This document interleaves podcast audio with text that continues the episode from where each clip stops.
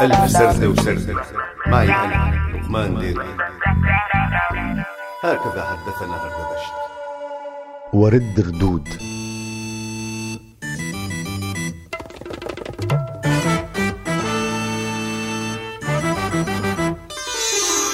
وهي كما يقول إمبراطور الحزن الشرق أوسطي بقيادة العراقي إلياس خضر ورد ردود ردود ردود وسولف بيك تن دين تن دين وافرح من يوصل طريق طريق طريق.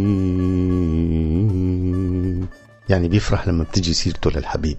لذلك فإن الردود لابد وأنها وركز لي على لابد هنا وعلى اللو أنها هناك فرح تشوف الحب موجود بل والتغزل أيضا وبناء عليه.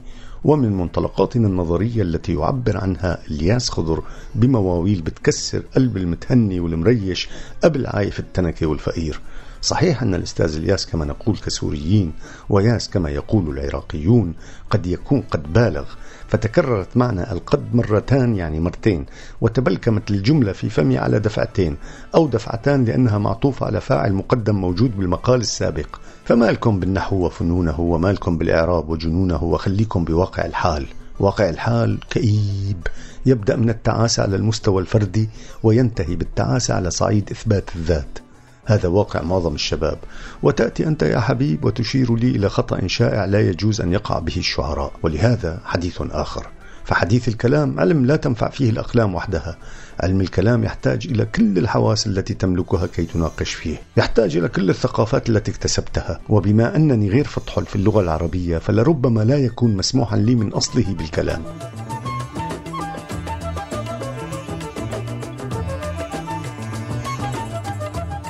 ومن هؤلاء الذين لا يسمحون؟ هؤلاء الذين يعترفون أن الشهادة الشهادة تبع لغتنا العربية صرنا نأخذها من موسكو ولايبزيغ وكييف وأمستردام وأننا صرنا نتمنى أن نأخذها من السوربون لأنها أفخم شيء. يا الله صار السوربون يوزع علينا شهادات بعد ما كانت تتوزع بالقاهرة وبلاد الشام. فالدراهم مراهم يا حبيب وما لا تستطيع أن تحصل عليه بجهدك تحصل عليه بالأموال. ولما الأموال سالت في جيوب الحبايب ما عاد في داعي للدراسة والتعتير وسهر الليالي بدون وليف لخمسين يوما مع معلم خصوصي آكل محاشي وجاي على الدرس. والمحشي ما بياكلوا إلا بالثوم بس الأمانة ما بيتدشى. وتعا خود بالمدرسة من الأستاذ الثاني اللي عم بيعطينا الدرس على المغمض.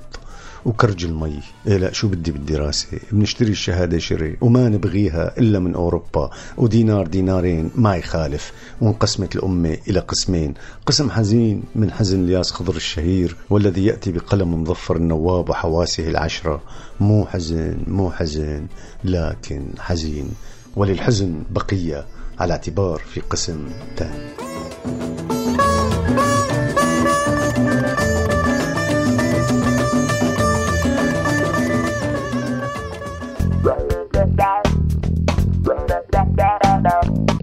هكذا حدثنا هردبشت